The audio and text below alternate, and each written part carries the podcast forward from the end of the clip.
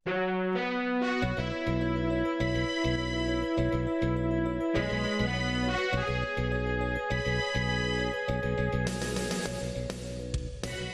is Radio Free Asia. The following program is in Burmese. မင်္ဂလာညချမ်းပါ RFA ပရိသတ်များခင်ဗျာလွတ်လပ်တဲ့အာရှတန် RFA ရဲ့2023ခုနှစ်စက်တင်ဘာလ2ရက်စနေနေ့ညပိုင်းအစီအစဉ်လေးကို American ပြည်ထောင်စု Washington DC မြို့တော်ကနေစတင်ထုတ်လွှင့်နေပါပြီ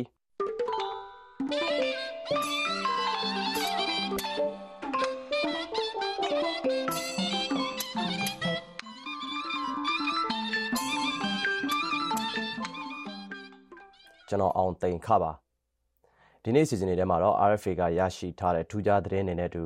ရှမ်းမြောက်ကနေရာ၄ခုမှာစစ်ကောင်စီတပ်နဲ့ TNL တိုက်ပွဲပြင်းထန်နေတဲ့သတင်းနဲ့ အပတ်စဉ်စနေနေ့တိုင်းတင်ဆက်ပေးနေတဲ့ RFA စကားဝိုင်းစီစဉ်တွေကိုကြည့်ရှုနားဆင်ရမှာပါအရင်ဆုံးသတင်းတွေကိုတင်ပြမှာပါခင်ဗျာ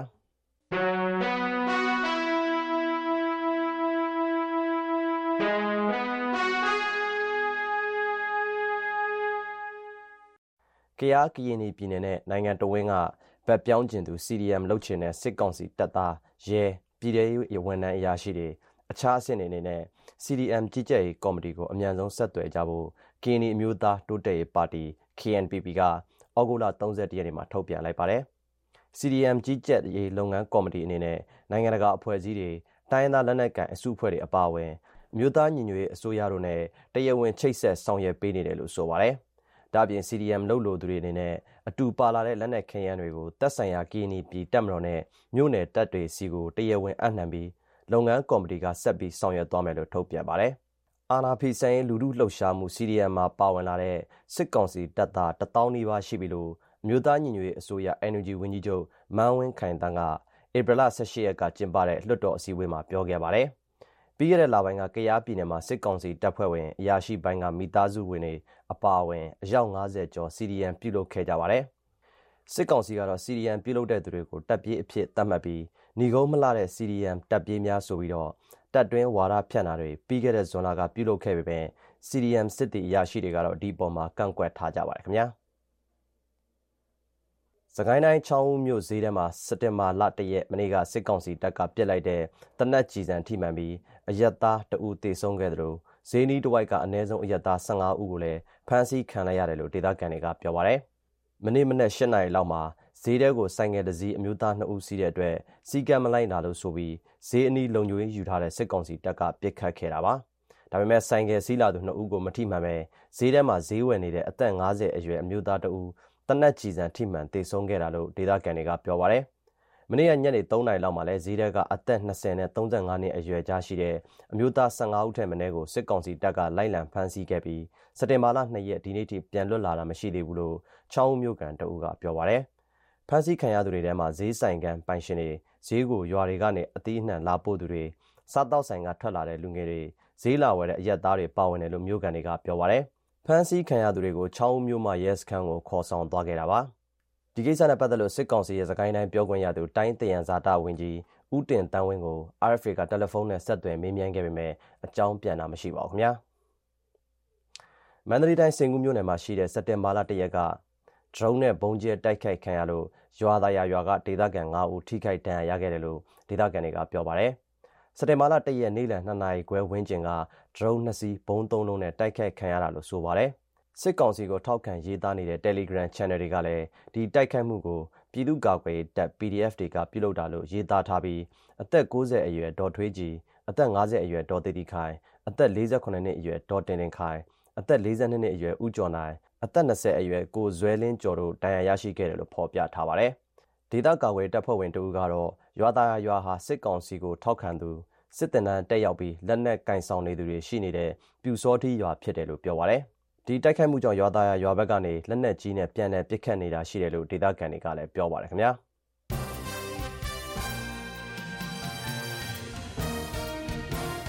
သတင်းတွေကိုထုတ်လွှင့်ခဲ့တာပါအခုဆက်ပြီးသတင်းဆောင်မတွေကိုဆက်လက်ထုတ်လွှင့်ပါမယ်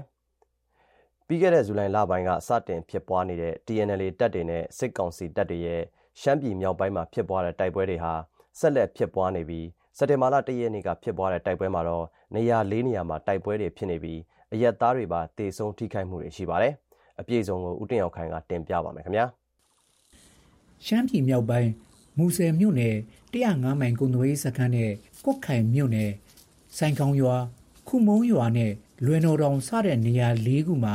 စစ်ကောင်စီတပ်နဲ့တအန်းမျိုးသားလူမျိုးရေးတပ်မတော် TNL တို့စက်တင်ဘာလ၁ရက်နေ့မှာတိုက်ပွဲဖြစ်ပွားခဲ့ပါတယ်။မနေ့၄နာရီခွဲပတ်ဝန်းကျင်မှာ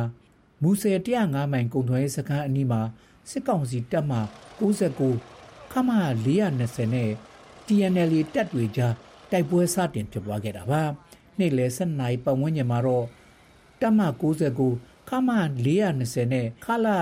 261တို့ပူးပေါင်းတပ်တွေက TNL တပ်မဟာ112ရှိတဲ့နေရာကို ထိုးစစ်ဆင်ခဲ့တဲ့အတွက်ဆိုင်ကောင်ရွာအနီးမှာတိုက်ပွဲထပ်မံဖြစ်ပွားခဲ့ပါတယ်နေ့လယ်တနာရီပတ်ဝန်းကျင်မှာလဲလွယ်တော်တော်မှာအမှတ်16နဲ့စစ်စင်ရေးကုတ်ကဲမှုဌာနချုပ်စကခ16ခမရ9ခွန်ခွန်ခလာရ45တို့နဲ့တိုက်ပွဲဖြစ်ပွားခဲ့သလိုညနေ9နာရီပတ်ဝန်းကျင်မှာစကခ1ခွန်ခမရ9ခွန်ခွန်နဲ့ TNL တွေကြား ခိုမုံကျေးရွာမှာတိုက်ပွဲပြင်းထန်ခဲ့ပါတယ်တိုက်ပွဲတွေပိုပြီးပြင်းထန်လာနိုင်သလိုဒေသခံတွေလေကြောင်းနဲ့လက်နက်ကြီးအန္တရာယ်ကိုသတိရှိဖို့ TNL ပြောရေးဆိုခွင့်ရှိသူဒုတိယဗိုလ်မှူးကြီးမိုင်းအိုက်ကျော်ကပြောပါတယ်ပြည်သူလူထုအနေနဲ့ပဲအာကြတော့ စကားစားရလို့ရလို့ဆိုတာဒီလိုက်လီကြောင်းတက်ခိုက်မှုတွေရောလက်နေကြီးတွေရောဘုရားမလားအချောက်ရမပြခတ်တဲ့ကာကွယ်ဖို့ကကင်းဝေးဖို့အတွက်ကိုကာကွယ်နေအောင်စီအန်ရယ်စီတီဘနော်ကိုပဝန်းကျင်နာမရှိကိုနာမချီတဲ့ကိုအိမ်မရှိတဲ့ဘုံခုတင်တော့အဲ့လိုမျိုးဒီလိုကျင်းတော့တူတိုင်းမှာဒီတက်ကိုဖြစ်လာတဲ့ရှင်နေရှောင်းပြနေအောင်ဒီကိုအတွက်အဲ့လက်ဖြစ်အကာကွယ်နေဖို့အဲ့လိုမျိုးဖြစ်စင်ထားဖို့တော့လိုတော့တိုက်ပွဲတွေအတွင်းစစ်ကောင်စီတပ်က လက်နက်ကြီးရောလေကြောင်းနဲ့ပါပစ်ခတ်တိုက်ခိုက်မှုတွေလုပ်ခဲ့တယ်လို့သူကပြောပါတယ်။ကိုခိုင်မြို့နယ်ဇီးတမန်ရွာကိုမနေ့ကနေ့လယ်2နာရီမှာလက်နက်ကြီးကြီးတလုံးကြားရောက်ပေါက်ကွဲခဲ့ပါတယ်။ဒီပေါက်ကွဲမှုကြောင့်ဒေသခံအမျိုးသား2ဦးသေဆုံးခဲ့ပြီးအမျိုးသမီး2ဦးဒဏ်ရာရခဲ့တယ်လို့ဒေသခံတွေကပြောပါတယ်။လက်နက်ကြီးကြောင့်အသက်39နှစ်အရွယ်ဦးစော်တွဲနဲ့အသက်62နှစ်အရွယ်ဦးပေါင်ရတို့လည်းသေဆုံးခဲ့ပြီးအသက်29နှစ်အရွယ် ဒေါ်ခွန်နန်းနဲ့အသက်59နှစ်အရွယ်ဒေါ်ကန်ဖန်းတို့ထိခိုက်ဒဏ်ရာရခဲ့တာပါဇီးတမန်ရွာကနေအိမ်ပေါ်ကိုလက်နက်ကြီးကြီးကြောက်ပေါက်ကွဲပြီးအကြက်သားတွေတိဆုံးခဲ့တာလို့ဒေသခံတူကလည်းပြောပါတယ်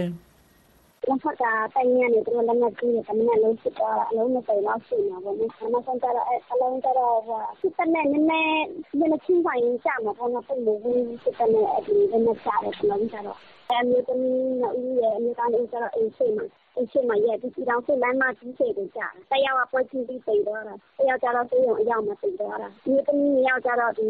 59နှစ်အမျိုးသမီးတယောက်ကျတော့ နည်းနည်းလေးပဲတိုင်ရရတော့ အိမ်မှာပဲဆိုတော့သိရှိလာတာဒီစစ်ကောင်စီဘက်ကတော့အကြက်သားတွေဟာ TNL အဖွဲ့ရဲ့ လက်နက်ကြီးကြီးကြောင့် ထိခိုက်ဒေဆုံးခဲ့ရတာလို့ စက်တင်ဘာလ2ရက်နေ့ဒီကနေ့မှသတင်းထုတ်ပြန်ထားပါတယ်။ TNL ပြောရေးဆိုခွင့်ရှိသူကတော့စစ်ကောင်စီကအကြက်သားတွေထိခိုက်ဒေဆုံးမှုကိုတာဝန်မြူခြင်းတဲ့အတွက်အခုလိုလိမ်လည်ထုတ်ပြန်တာလို့ဝေဖန်ပါတယ်။ရှမ်းပြည်မြောက်ပိုင်းကစစ်ရေးအရအရေးပါတဲ့နမ်ဖက်ကတဝိုက်ကိုနေမြေစိုးမိုးနိုင်ဖို့စစ်ကောင်စီတပ်နဲ့ TNL တို့အပြိုင်ကြိုးစားနေတာကြောင့်တိုက်ပွဲတွေပိုပြီးပြင်းထန်လာနိုင်တယ်လို့နိုင်ငံရေးစစ်ရေးလိလာသုံးသပ်သူဦးတန်းစိုးနိုင်ကပြောပါတယ်။ နမ်ဖက်ကစိုးမိုးထားနိုင်တဲ့အခြေအနေရောက်မှမူဆယ်နဲ့နမ်ခန့်ဒီဒေါ်လာရင်းအင်အားစုတွေနဲ့လွှမ်းမိုးနိုင်မယ့်အခြေအနေဖြစ်တဲ့အတွက်အဲ့ဒီဒေသပုံမူပြင်းထန်တဲ့တိုက်ပွဲတွေပေါ်ပေါက်လာမယ့်အနေအထားရှိတဲ့အတွက်ပြည်သူလူထုအနေနဲ့အဲ့ဒီအခြေအနေကိုလေ့လာပြီးတော့ရှောင်ရှားကြဖို့တိုက်တွန်းနေပါတယ်။မူဆယ်မြို့နယ်မန်ကန်နဲ့ခိုမန်ရွာတွေအနီးဩဂုတ်လ28ရက်နေ့ကစပြီးစစ်ကောင်စီတပ်နဲ့ TNL တို့တိုက်ပွဲဖြစ်ပွားနေတာကြောင့် ဒေသခံတထောင်ကျော်ဘေးလွတ်ရာကိုထွက်ပြေးနေရပါတယ်ခင်ဗျာကျွန်တော်တယောက်ခိုင်ပါဒီသတင်းကို American နိုင်ငံ Washington DC မြို့ကနေစူးစီးတင်ပြခဲ့တာပါခုဆက်ပြီးတင်ပြမှာကတော့ RFA ဇကဝိုင်းစီစဉ်ပဲဖြစ်ပါတယ်ဒီတစ်ပတ်မှာတော့စစ်ကောင်စီတပ်ဖွဲ့နဲ့ပြည်သူ့ကာကွယ်တပ်ဖွဲ့တွေဘာတွေကွာခြားသလဲဆိုတဲ့ခေါင်းစဉ်နဲ့ဆွေးနွေးသွားကြမှာဖြစ်ပါတယ်။ RFA အဖွဲ့သားဦးခင်မောင်စိုးတင်ပြထားပါတယ်ခင်ဗျာ။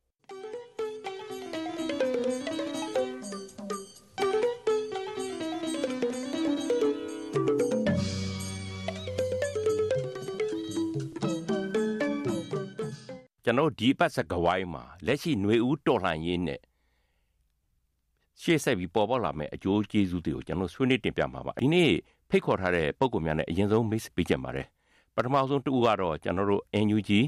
ပညာရေးနဲ့ကျန်းမာရေးဝန်ကြီးဆရာကြီးဒေါက်တာဇော်ဝေဆိုးဖြစ်ပါတယ်နောက်တူကတော့ကျွန်တော်တို့ဒီ CDN ဘိုးကြီးလင်းထက်အောင်ပါဟုတ်ကဲ့နောက်တူကတော့ CDN လေသန်းပြဆရာမဆရာမဒေါ်မြတ်မြတ်မော်ပါနောက်ဆုံးတူကတော့ကျွန်တော်တို့ဒီပိုအမျိုးသားဖက်ဒရယ်ကောင်စီဥက္ကဋ္ဌ ဦးခွန်မြင့်ထွန်းပါဟုတ်ကဲ့ဆရာဇော်ဝေဆိုးခင်ဗျလက်ရှိဒေါ်လာရေးက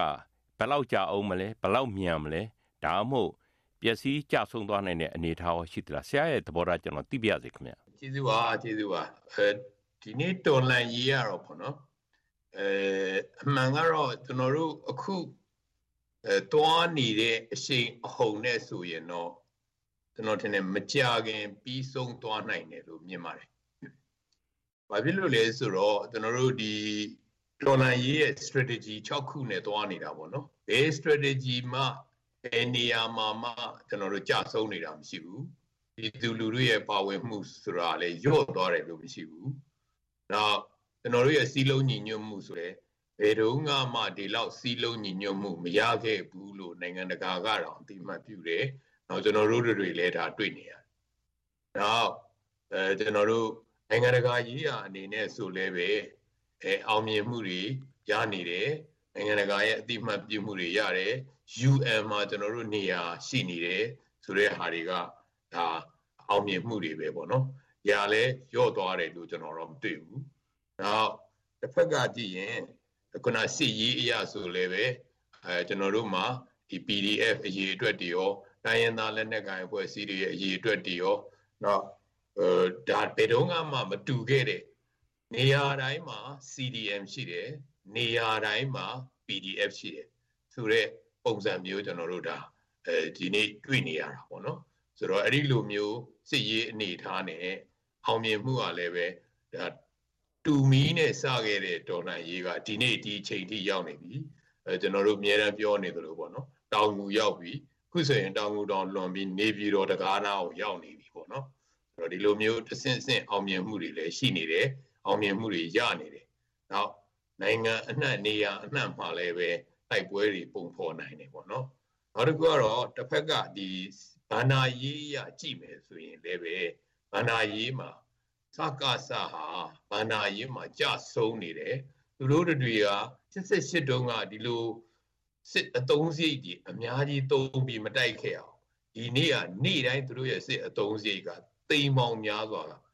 သုံးပြီးတော့တိုက်နေရတာဖြစ်တဲ့အပြင်သူတို့ရဲ့ဝင်ငွေတွေကိုလည်းပဲတားဆီးထားနိုင်တာဖြစ်တဲ့အတွက်ဘာနာရေးတိုက်ပွဲမှာလည်းသူတို့ကြဆုံးနေတာဖြစ်တယ်နောက်တစ်ခုကတော့ဒါ psychological warfare ပေါ့နော်ဒါနဲ့ကြည့်ရင်တကယ်တော့88တက်နဲ့88တုန်းကစစ်တပ်နဲ့အခုစစ်တပ်မတူတာကဒီစစ်တပ်က corruption အများကြီးဖြစ်ထားတဲ့စစ်တပ် ဒီစစ်တပ်မှာစိတ်ဓာတ်လည်းမရှိဘူးသောသောကပြောတယ်အဲဒီ corruption နဲ့တီဆောက်ထားတဲ့ဒီလိုမျိုးအာဂတိလိုက်စားမှုတွေနဲ့တီဆောက်ထားတဲ့တပ်ဘယ်လိုနီးနေမှဒီဘက်ကကျွန်တော်တို့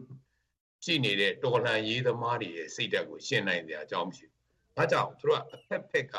ဘယ်လိုနီးနေမှကျွန်တော်တို့ကိုအောင်နိုင်ကြမရှိဘူး။ကျွန်တော်တို့ဟာအနှီးနဲ့အမြန်ဒီတိုက်ပွဲတွေ ဒီဒေါ်လာကြီးကပြီးဆုံးသွားမယ်ဆိုတာသိကြတယ်။ဟုတ်ကဲ့ဆရာကျေးဇူးအများကြီးတင်ပါတယ်ဆရာ။ဆရာမဒေါ်မြတ်မြတ်မော်ရဲ့သဘောထားဘယ်လိုရှိလဲဆရာမကြီး။ဒေါ်လာကြီးကဆရာဘယ်လိုဘယ်တော့ပြီးမလဲဆိုတဲ့အခါကျတော့ဒေါ်လာနေတဲ့သူအကုန်လုံးစီးစီးလုံးလုံးရှိရင်မြန်မြန်ပြီးမယ်ပြီးတော့စူးစူးစီးစီးရှိတဲ့အပေါ်မှာလည်းမြန်မြန်ပြီးမယ်စူးစီးပြီးတော့စီးစီးလုံးလုံးမရှိရင်ကျော်လိုက်ရကြအောင်မှာအတော်ကြောင့်ပြောရလို့ရှိရင်တော့ဆရာရဲ့ တော်လန်နေတဲ့သူအကုန်လုံးပြောတဲ့အတိုင်းလုပ်မယ်လုပ်တဲ့အတိုင်းပြောမယ်ဆိုရင်မြန်မြန်ပြီးမယ်ဆရာဟုတ်ကဲ့ဆရာမကြီးကျေးဇူးအများကြီးတင်ပါတယ်အဲ့တော့ဘိုးကြီးလင်းထောင်အောင်ဘယ်လိုမြင်လဲကျွန်တော်အမြင်ကတော့ဒီတော်လန်ရေးကမနှစ်ကနဲ့လည်းမတူတော့မနေ့ကနဲ့လည်းမတူတော့တိုးတက်လာမှုတွေကိုပဲကျွန်တော်တို့ပို့ပြီးတော့တွေ့နေရတယ်ဆိုတော့ဟို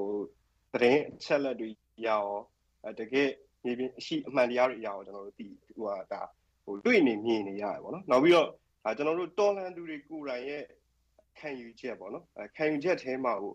တော်လန်ရေးကိုအောင်မြင်အောင်တိုက်ရမယ်ဆိုတဲ့စိတ်ကရှိပြီးသားအဲ့ဒါကြောင့်မလို့ကျွန်တော်တို့အဲအခုဆိုလေဒီတော်လန်ရေးမှာကျွန်တော်တို့ပေါ့နော်အရင်တော့ဖြစ်ခဲ့တဲ့88တို့ဒါတခြားတော်လိုင်းရေးနဲ့မတူတဲ့ဖိနှိပ်ရက်ဆက်မှုတွေဒီတော်လိုင်းရေးမှာပို့ပြီးတော့မြင်းမြင်းတသားထင်ထင်ရှားရှားတွေ့ရတယ်အများကြီးပဲပေါ့နော်။စကားဆရဲ့ရုံမာမှုတွေအချမ်းဖတ်မှုတွေနော်နောက်ပြီးလူတွေအစုလိုက်အပြုံလိုက်တက်ခံရတယ်ကျွန်တော်တို့တွေ့ခဲ့ရတယ်။အဲ့ဒါတွေကြုံခဲ့တာတော့မှ ကျွန်တော်တို့တော်လိုင်းရေးကယနေ့အချိန်ဒီလုံးဝကိုမရက်သွားသေးပါဘူး။ပေါ့နော်မရက်သွားသေးပါဘူး။အဲ့ဒါတွေကိုပဲကျွန်တော်တို့ကအားရင်နေဖြစ်ခံစားမှုတွေကောအောင်မြင်မှုတွေရောအရာအားလုံးကိုကျွန်တော်တို့ကအားရင်ဖြစ်ပြန်ပြီးတော့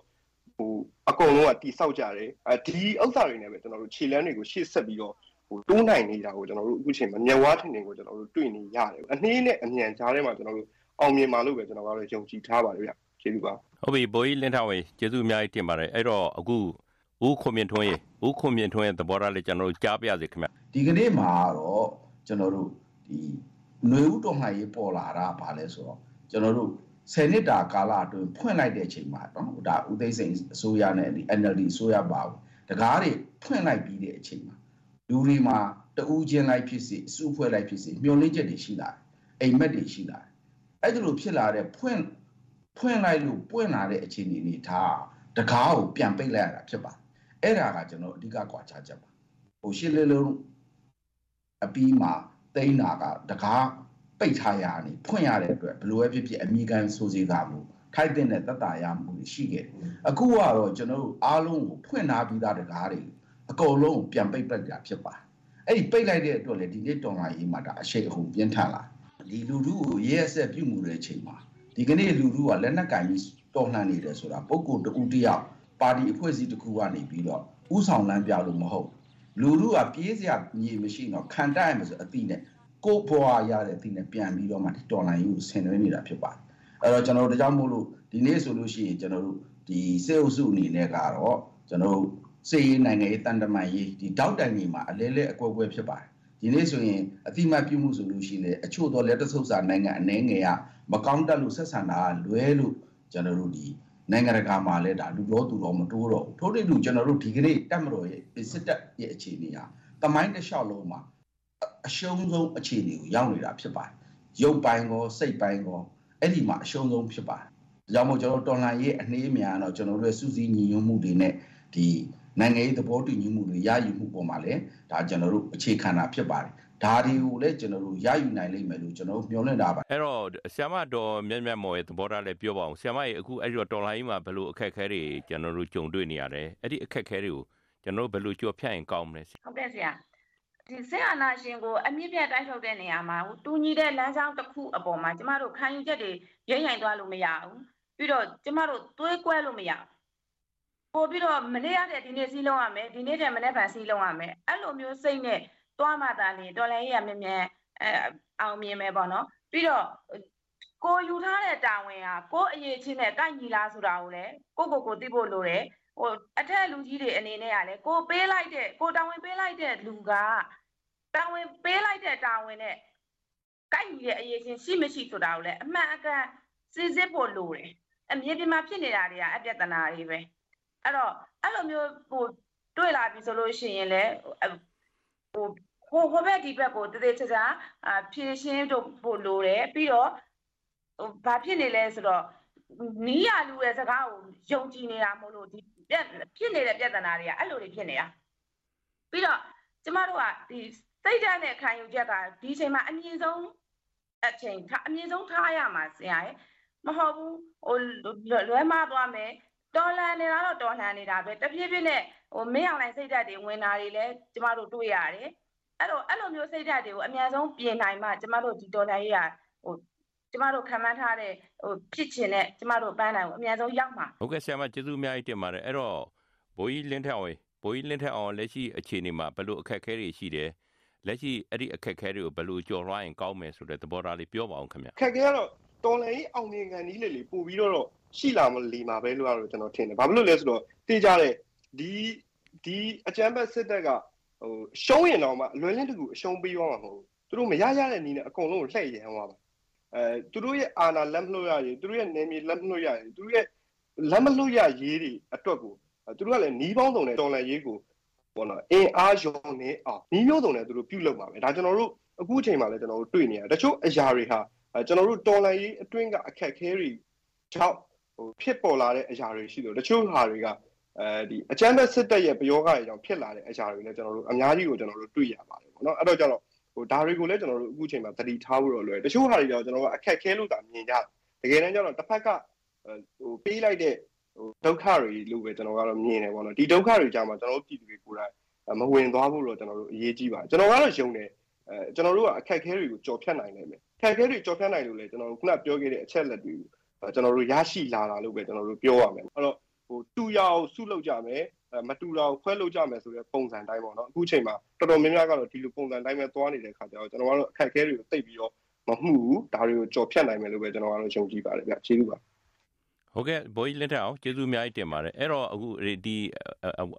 ဦးခွန်မြင့်ထွန်းရေလက်ရှိအခက်ခဲတွေဘယ်လိုကြော်ဖြတ်ကြမလဲပြောပါအောင်ခင်ဗျာကျွန်တော်တို့အောင်ပွဲနီးလေအခက်ခဲကြီးလေဆိုစကားရှိပါတယ်ဒီနေ့ကျွန်တော်တော်လိုင်းရေးဟာအချိန်ကျိုးအတွင်းမှာကိုပဲ ဒါရင့်ကျက်လာတာဖြစ်ပါတယ်နောက်တစ်ခုကတော့ကျွန်တော်တို့တွန်းပို့နေတာကတော့ဒီနေ့စစ်အုပ်စုရဲ့ရရဆက်ဆက်ဆက်ဆံမှုတွေကိုနိုင်ကိုကတော်လှန်ရေးမြန်မြန်အောင်မြင်ဖို့အတွက်တွေတွန်းပို့နေတဲ့အားတွေဖြစ်ပါတယ်ဒါကြောင့်ကျွန်တော်တို့ရှာမှာညီညွတ်မှုကိုကျွန်တော်တို့ရအောင်ကျွန်တော်ယူကြရမယ်နိုင်ငံရေးဥဆောင်မှုနဲ့ပတ်သက်လို့ရှိရင်ထင်ရှားပြတ်သားသားဥဆောင်နိုင်မယ်အခင်းကျင်းတွေကျွန်တော်လုပ်ရမယ်ပြီးရင်ကျွန်တော်နိုင်ငံရေးသဘောတူညီချက်ဖြစ်ပါတယ်ဒီနေ့ကျွန်တော် Federal Charter လို့ကျွန်တော်နိုင်ငံရေးသဘောတူညီချက်ရှိပြီးတဲ့နောက်မှာ အသွင်ကူးပြောင်းရေးကာလကျွန်တော်အောင်ပွဲအလွန်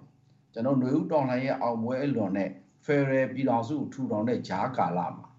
Transitional Authority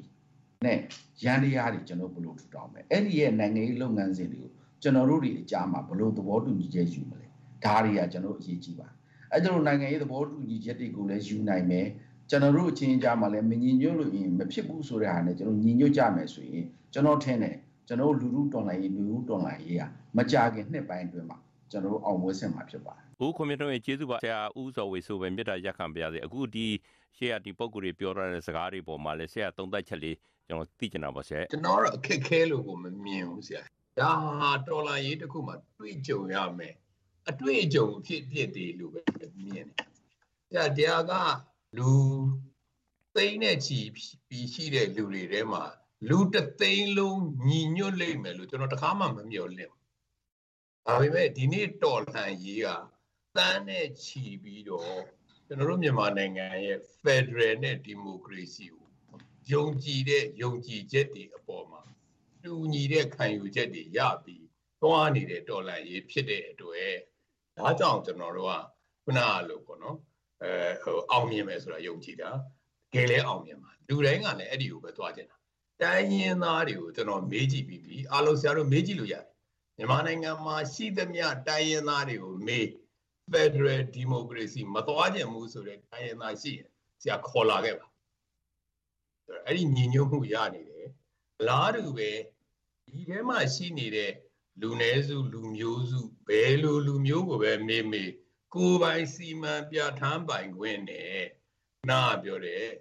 လွတ်လပ်ခွင့်တွေကိုလိုချင်တဲ့လူတွေကြီးပဲ မလိုချင်တဲ့လူရှိရင်ကျွန်တော်စီခေါ်လာခဲ့ပြီဒါကြောင့်အဲ့ဒီဟာတွေတူညီပြီးသားဖြစ်ပါတယ်ဒါပေမဲ့ကျွန်တော်အားလုံးကိုတော့ကျွန်တော်စိတ်ထဲမှာရှိနေတဲ့စကလုံးတစ်လုံးပြောရရင်တော့တော်လန်ကြီးကတူးတယောက်သေးကြောက်အောင်မြင်သွားမှာမဟုတ်တယ်လို့တူးတယောက်သေးကြောက်လည်းကြာဆုံးသွားစရာအကြောင်းမရှိပါဘူးအဲ့တော့ဆရာတော်လန်ကြီးပြီးသွားပြီလို့အခုကျွန်တော်ပုံတစ်ခုဖော်ကြည့်လိုက်မယ်ဆရာဒီတော်လှန်ရေးပြီးသွားရင်ကျွန်တော်တို့မြန်မာပြည်သူတွေ ဘယ်လိုအကျိုးကျေးဇူးတွေရမလဲအဲတကယ်တမ်းတော့ဟိုမျှော်မှန်းတဲ့ဟာတွေပေါ့နော်မျှော်မှန်းတဲ့ဟာတွေ Federal Democracy ဆိုတော့ကျွန်တော်တို့ပြောတဲ့အဲဒီ Federal ကျွန်တော်တို့ရဲ့ဒီ charter ထဲမှာလည်းပါပြီးသား value တွေပေါ့နော်အဲ့ဒါတွေရဖို့အတွက်ကျွန်တော်တို့ဒီဒေါ်လာရေးကိုလောက်ကြတာဖြစ်တယ်ဒါနဲ့ပတ်သက်တဲ့ခုနကလိုမျှော်မှန်းချက်တွေကျွန်တော်တို့ရရှိလာမယ်ဆိုတာယုံကြည်တဲ့အပြင်ကျွန်တော်တို့ပြည်သူတွေပြည်သူတွေတွေမကဘူးပေါ့နော် generation Z တွေ အရန်ကိုမကျူအားဖြစ်သွားပြီဒီနှစ်နှစ်နှစ်နှစ်ခွဲအတွင်းမှာကျွန်တော်ထင်တယ်လူတိုင်းကျွန်တော်အရင်တုန်းကဒီဒေါ်လာရေးမတိုင်ခင်ကမြန်မာနိုင်ငံမှာရှိတဲ့လူတွေတန်းနဲ့ချီပြီးရှိနေတဲ့ပြည်သူတွေဟာဖက်ဒရယ်ကိုတကယ်နားလည်ခဲ့တယ်လို့ကျွန်တော်ကျွန်တော်ကိုယ်တိုင်လည်းနားမလည်ခဲ့ဒါပေမဲ့ဒီအချိန်မှာအဲ့ဒီနှစ်နှစ်အတွင်းမှာနှစ်နှစ်ခွဲအတွင်းမှာမကျူအားဖြစ်သွားနိုင်ငံရေးအရရောလူမှုရေးအရရောတော်တော်ကိုမကျူအားဖြစ်သွားတဲ့အပြင် ကျွန်တော်တို့ generation Z တွေဆိုရင်အာအရင်တုန်းကတော်လန်ရေးမတိုင်ခင်ကအာကျွန်တော်တို့ကိုယ်တိုင်ကျွန်တော်တို့မိဘတွေကိုယ်တိုင်ဒီကလေးတွေတော့လို့တွေးနေတဲ့လူတွေကဒီအချိန်မှာဒီ generation Z တွေကိုအလေးပြုရတဲ့အနေအထားကိုရောက်သွားအောင်မကြွဖြစ်သွားတာကျွန်တော်တို့ဒါကြောင့်ဒီဒေါ်လာရေးအပီးမှာကျွန်တော်တို့နိုင်ငံဟာတကယ်ကိုစီတောင်အာရှမှာအာရှမှာထွန်းထွန်းပေါက်ပေါက်နဲ့ ထီရီရောက်ရောက်ကြီးကိုကမ္ဘာပေါ်မှာဝင်းဝင်းကြွားကြွားဖြစ်လာနိုင်တဲ့နိုင်ငံတစ်ခုဖြစ်လိမ့်မယ်လို့ကျွန်တော်ယုံကြည်အခုဒီနေ့ဒေါ်လာရေးကိုကြည့်မယ်ဆိုဆရာတို့အားလုံးသိတဲ့အတိုင်းပဲဘာမှမရှိတဲ့ကြားကပညာတွေနဲ့စူးစမ်းမှုတွေနဲ့ပေးဆက်မှုတွေနဲ့တီထွင်ကြံစမှုတွေနဲ့ဒီအချိန်မှတော့ဒီလောက်လုံနိုင်ရင်ကျွန်တော်တို့နိုင်ငံပြန်လဲတီထောင်တဲ့အချိန်မှာတော်လှန်ရေးအပီးမြန်မာနိုင်ငံဟာရွှေအောင်နိုင်ငံပဲဖြစ်ရဆ iam မဒေါ်မြင့်မြတ်မော်ကြီး ဆ iam မတို့ကတော့ကျောင်းဆ iam မတူအနေနဲ့အနာဂတ်ဒီမိုကရေစီနိုင်ငံထူထောင်တဲ့အခါမှာမြန်မာပြည်ရဲ့ပညာရေးစနစ်ကဆ iam မဘယ်လိုမျှော်မှန်းတယ်လဲခင်ဗျာကျမတို့ဒီအနာဂတ်နိုင်ငံပြန်လည်ထူထောင်တဲ့အခါမှာကျမတို့ရဲ့ဒီပညာရေးကဘာဖြစ်သွားမလဲဆိုလို့ရှိရင်ဟိုထူးချွန်ထူးချွန်ထက်မြက်တဲ့ကလေးတွေကိုသူ့ဝါဒနာအရာသူသွားခြင်းတဲ့လမ်းကြောင်းကိုကျမတို့အဆုံးထိထွန်းပအောင်တွန်းပို့နိုင်မယ် စစ်ကြုံပညာရေးဆိုတာကတော့ကျမတို့ရဲ့အနာဂတ်တွေကိုနင်းထားတာဖိထားတာဓာတ်ချက်ဓာတ်ဖြစ်အောင်မယ်မအောင်မရှိလုံးဝကြသွားတယ်ဆိုရင်တော့မှဆောင်းဝက်ကြသွားတယ်ဆိုရင်တော့မှပဲအဲနောက်နေ့ကျရင်ဒီစာအုပ်ပဲပြန်ကြည့်ပြီးဖြေအောင်သွားပြီဒီလိုမျိုးပေါ့ပေါ့ပြက်ပြက်စနစ်ကိုပဲကျမတို့ကလေးတွေကိုရိုက်သွင်းခဲ့တာဟိုတီထွင်ဖန်တီးနိုင်တဲ့ပညာတွေမပေးဘူး ဒီစစ်ကြုံပညာရေးစနစ်ဆိုတာကကျမတို့ကလေးတွေကိုမျက်စိပိတ်နားပိတ်ထားတာဘာဖြစ်လို့လဲဆိုတော့အဲ့ဒါမှလည်းသူတို့လှုပ်ချင်တာလှုပ်လို့ရမှာတိုင်းပြည်တပြည်ကိုဖျက်ဆီးခြင်းပညာရေးနဲ့ဖျက်ဆီးအခုကျတော့စိတ်ဓာတ်စည်းကမ်းပညာဆိုတာကတကယ်တော့စိတ်ဓာတ်ကိုလည်းဖျက်ဆီးတယ်ပညာကိုလည်းဖျက်ဆီးတယ်စီကန်းကိုလည်းပြက်အောင်လုပ်ထားတယ်အဲ့တော့ကျမတို့ကလေးတွေကိုအဲ့လိုမျိုးလုပ်ထားတဲ့စနစ်ကနေပြီးတော့စန့်ကျင်ဘက်ရလက်ကောင်းတွေရလာမယ် ပြီးရင်ဒီအနာဂတ်မှာဘာတွေဖြစ်လာမလဲဆိုတော့အကျင့်ပြတ်စားစားမှုတွေပပျောက်လာလိမ့်မယ်ဒီပြည်သူတွေဆောင်လိုက်တဲ့အခွန်တွေကကျမတို့ပြည်သူတွေရဲ့ဖွံ့ဖြိုးတိုးတက်မှုလုပ်ငန်းတွေမှာထိထိရောက်ရောက်လုံးဝအသုံးအသုံးဝင်သွားမယ်အသုံးချသွားမယ်ပြီးတော့လူကိုလူလိုအလေးထားဆက်ဆံတဲ့အစိုးရနဲ့ကျမတို့ဒီလူအစအတန်းမှီအောင်နေရမယ်ဆရာဟုတ်ကဲ့ဟိုလင်းတော့အနာက ဒီမိုကရေစီရပြီးတဲ့မြန်မာပြည်မှာစစ်တပ်ကဘယ်လိုစစ်တပ်မျိုးဖြစ်မလဲဟိုကျွန်တော်တို့ကအခုကျစစ်တပ်တစ်ခုကိုပြန်ပြီးတော့မွေးဖွားနေတာပေါ့အဲတေချာတစ်ခုတော့ဒီစစ်တပ်နဲ့မတူတာဘာလဲဆိုတော့ကျွန်တော်တို့တီထောင်နေတဲ့စစ်တပ်တွေကျွန်တော်တို့စတင်မွေးဖွားနေတဲ့စစ်တပ်တွေ Federal စစ်တပ်တစ်ခုကိုကျွန်တော်တို့မွေးဖွားနေတာပေါ့နော်အဓိကတော့ကျင့်ဝတ်ပေါ့နော်ကျင့်ဝတ်ကိုတကယ်ကိုလေးစားလိုက်လာတဲ့ဟို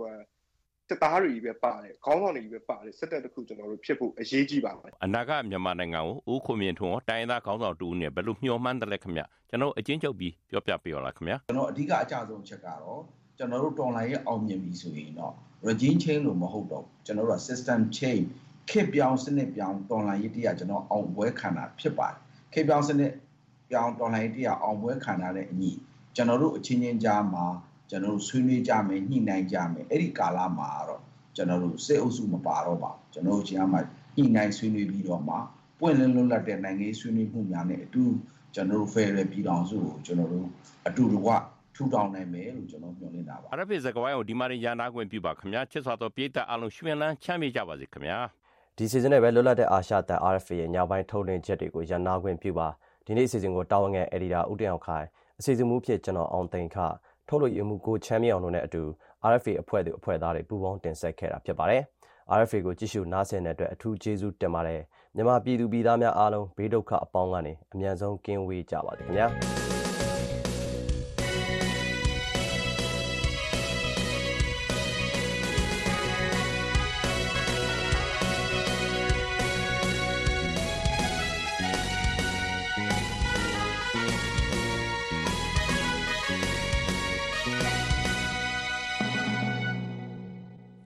listening to Radio Free Asia.